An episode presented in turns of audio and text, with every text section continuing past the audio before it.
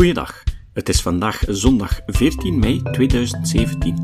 Ik ben Jozef van Giel en dit is de 322e aflevering van deze podcast. Vandaag horen jullie een pet van Carrie Poppy, die ooit dacht in een spookhuis te wonen. Ik ben begonnen met het boek De moordbekentenis van Darwin van Johan Braakman in te spreken.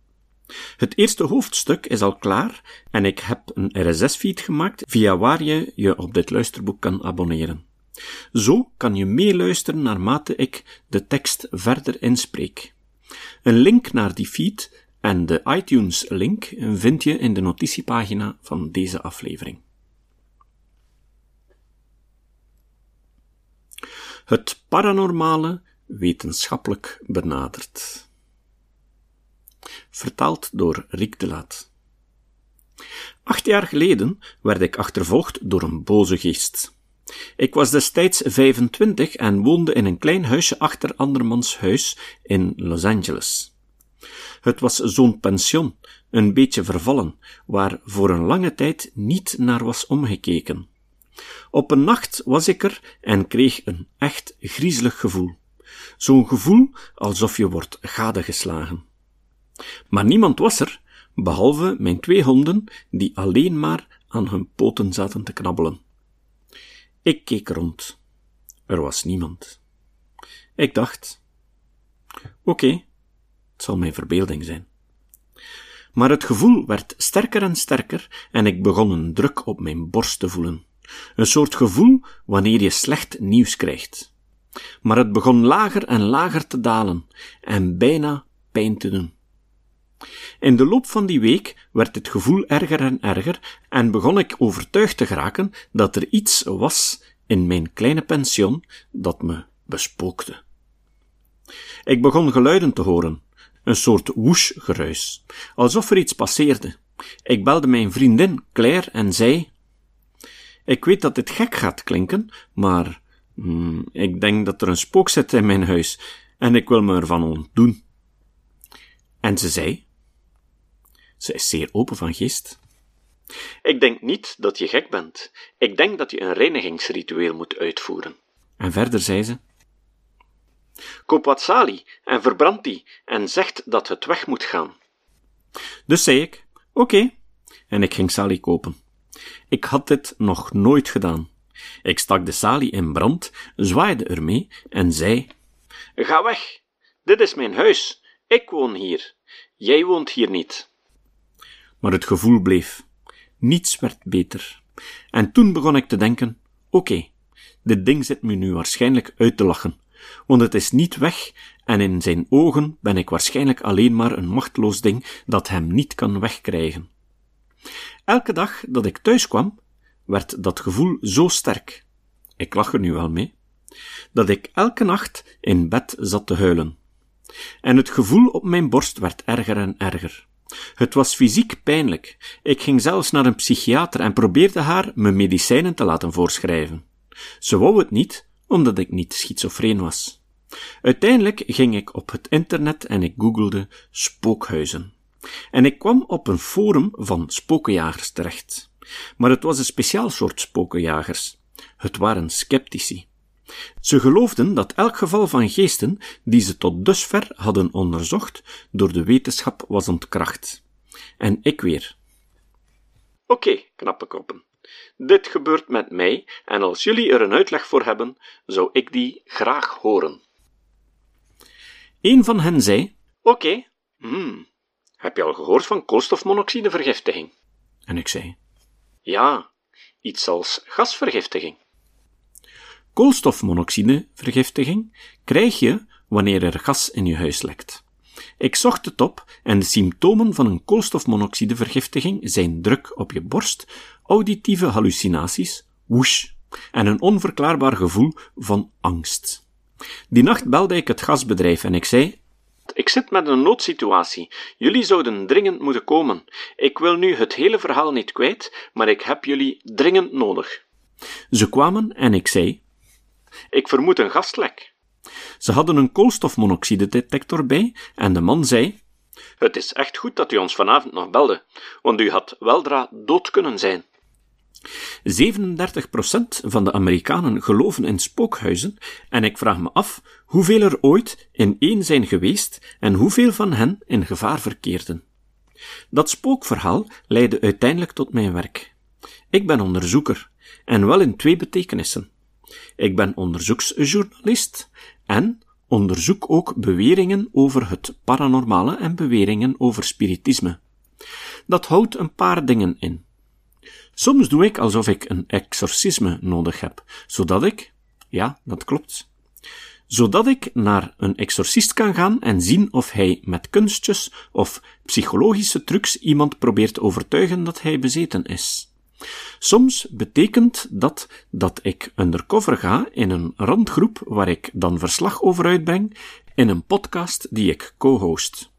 Ik deed meer dan 70 onderzoeken, zoals dit met mijn co-host, Ros. Ik zou jullie graag vertellen dat wetenschap negen keer van de tien wint, met glans slaagt, het allemaal uitlegt. Maar dat is niet waar. De waarheid is dat de wetenschap tien keer op tien keer wint, slaagt, met glans. Dat betekent helemaal niet dat mysteries niet bestaan. Natuurlijk zijn er mysteries, maar een mysterie is een mysterie. Het is geen spook. Nu denk ik dat er twee soorten waarheden bestaan. En het heeft een tijdje geduurd voor ik eruit was, maar ik denk dat het klopt. Ik leg het uit. Ik denk dat er buitenwaarheid en binnenwaarheid bestaat. Als je tegen me zegt, er was ooit iemand die Jezus heette, dan is dat een buitenwaarheid, toch? We kunnen het opzoeken in de historische gegevens. We kunnen bepalen of dat waar lijkt te zijn. En ik zou beweren dat het waar lijkt te zijn. Maar Jezus stond op uit de doden. Oei, een stuk lastiger. Dat zou ik dan een bewering van buitenwaarheid noemen, omdat hij fysiek verrees, ofwel niet. Ik ga er niet op ingaan of hij dat deed of niet, maar ik zou dat wel een bewering van buitenwaarheid noemen. Het gebeurde of het gebeurde niet. Maar als je zegt, het kan me niet schelen of hij al dan niet vrees.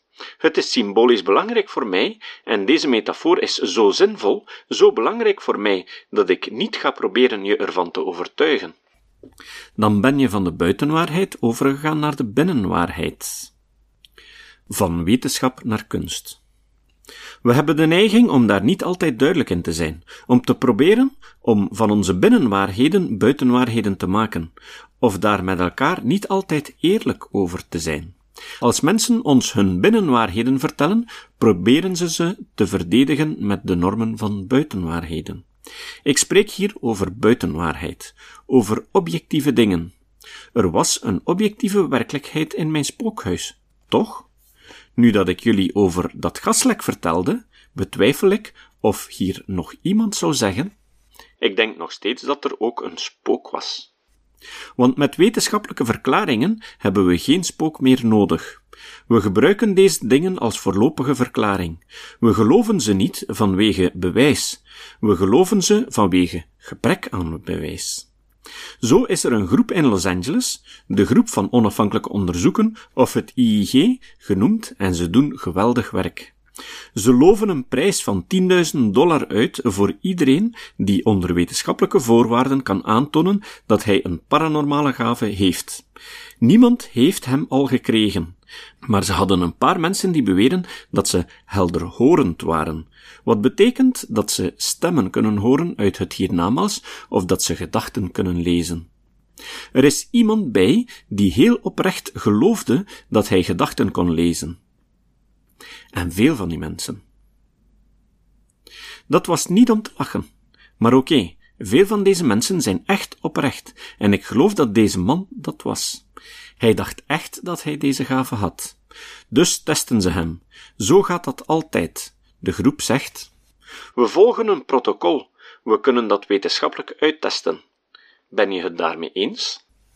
De persoon zegt ja. Dan doen ze de test. Het is zeer belangrijk dat beide partijen akkoord gaan. Ze deden het. Ze hebben hem getest. Ze zeiden: Oké, okay, weet je wat? Je was niet in staat om te zeggen wat Lisa zat te denken. Het gaf ongeveer hetzelfde resultaat als puur toeval. Het lijkt erop dat je de gave niet hebt. Dat gaf hen de gelegenheid om met hem vanuit medevoelen een zeer lastig gesprek aan te gaan, dat er in principe hierop neerkwam. Hoi, we weten dat je oprecht bent en dat betekent dat je iets hoort in je hoofd. Dat is een moeilijk iets om mee geconfronteerd te worden. Maar die dag moest die man zeer moeilijke beslissingen nemen. Een levensveranderend besluit over de vraag of hij hulp zou gaan zoeken. Maar dat kan echt de eerste dag van de rest van je leven zijn.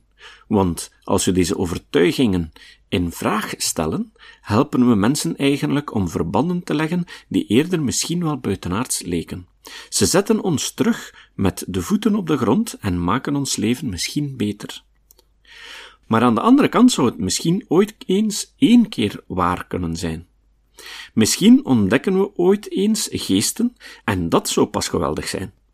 Elke keer als ik met een van deze onderzoeken begin, raak ik nog steeds zo opgewonden. En ik heb er al zo'n 75 gedaan, maar bij nummer 76 denk ik dan weer: dit is het. Misschien ben ik gewoon een eeuwige optimist, maar ik hoop dat ik nooit deze hoop verlies en ik nodig jullie uit tot dezelfde houding wanneer mensen jullie hun buitenwaarheden komen vertellen. Wanneer je spreekt over testbare beweringen, respecteer ze dan genoeg om ze goede vragen te stellen. Daag hen uit en kijk hoe jullie het samen kunnen onderzoeken. Men denkt soms dat je een geloof niet tegelijk kunt respecteren en het ook nog eens in vraag stellen. Maar het is niet waar. Wanneer we aan het slot morrelen, wanneer we de bewering in vraag stellen, zeggen we ik heb respect voor je. Ik luister naar wat je zegt. Ik ga het samen met jou uittesten. We hebben allemaal al eens ervaren dat je iemand iets vertelt en dat ze doen van: Oh ja, dat is echt interessant. Dan weet je dat ze je niet serieus nemen. Maar wanneer iemand zegt: Echt?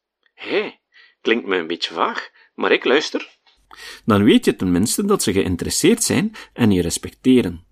Dat is het soort houding die we moeten aannemen met deze beweringen. Dat is iemand laten zien dat het je wat kan schelen wat ze zeggen. Dat is respect. De meeste van deze onderzoeken draaien op niets uit. Maar zo werkt alle wetenschap nu eenmaal. Voor alle kankers hebben we nog geen remedie, maar we blijven zoeken. Om twee redenen. Omdat ten eerste het antwoord van belang is, of we nu zoeken naar het hiernamaals, het paranormale of de behandeling voor kanker, alles komt neer op dezelfde vraag. Hoe lang zullen we hier nog zijn? En twee, omdat zoeken naar de waarheid open van geest zijn, bereid zijn om ernaast te zitten en je hele wereldbeeld te veranderen, ontzagwekkend is. Ik raak nog steeds opgewonden door spookverhalen. Ik vind nog steeds dat elke groep waar ik mee in contact kom misschien wel gelijk kan hebben en ik hoop die hoop nooit te verliezen. Laten we allemaal nooit de hoop verliezen, omdat zoeken naar wat buiten is ons helpt te begrijpen wat binnen is. O ja, en zorg thuis voor een koolmonoxidetector.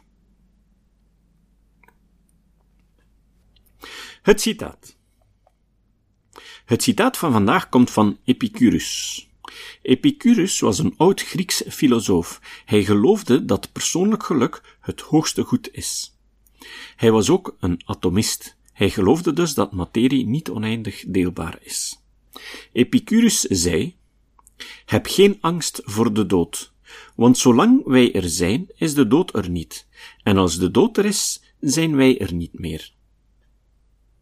Tot de volgende keer. Deze podcast is het resultaat van het werk van veel mensen.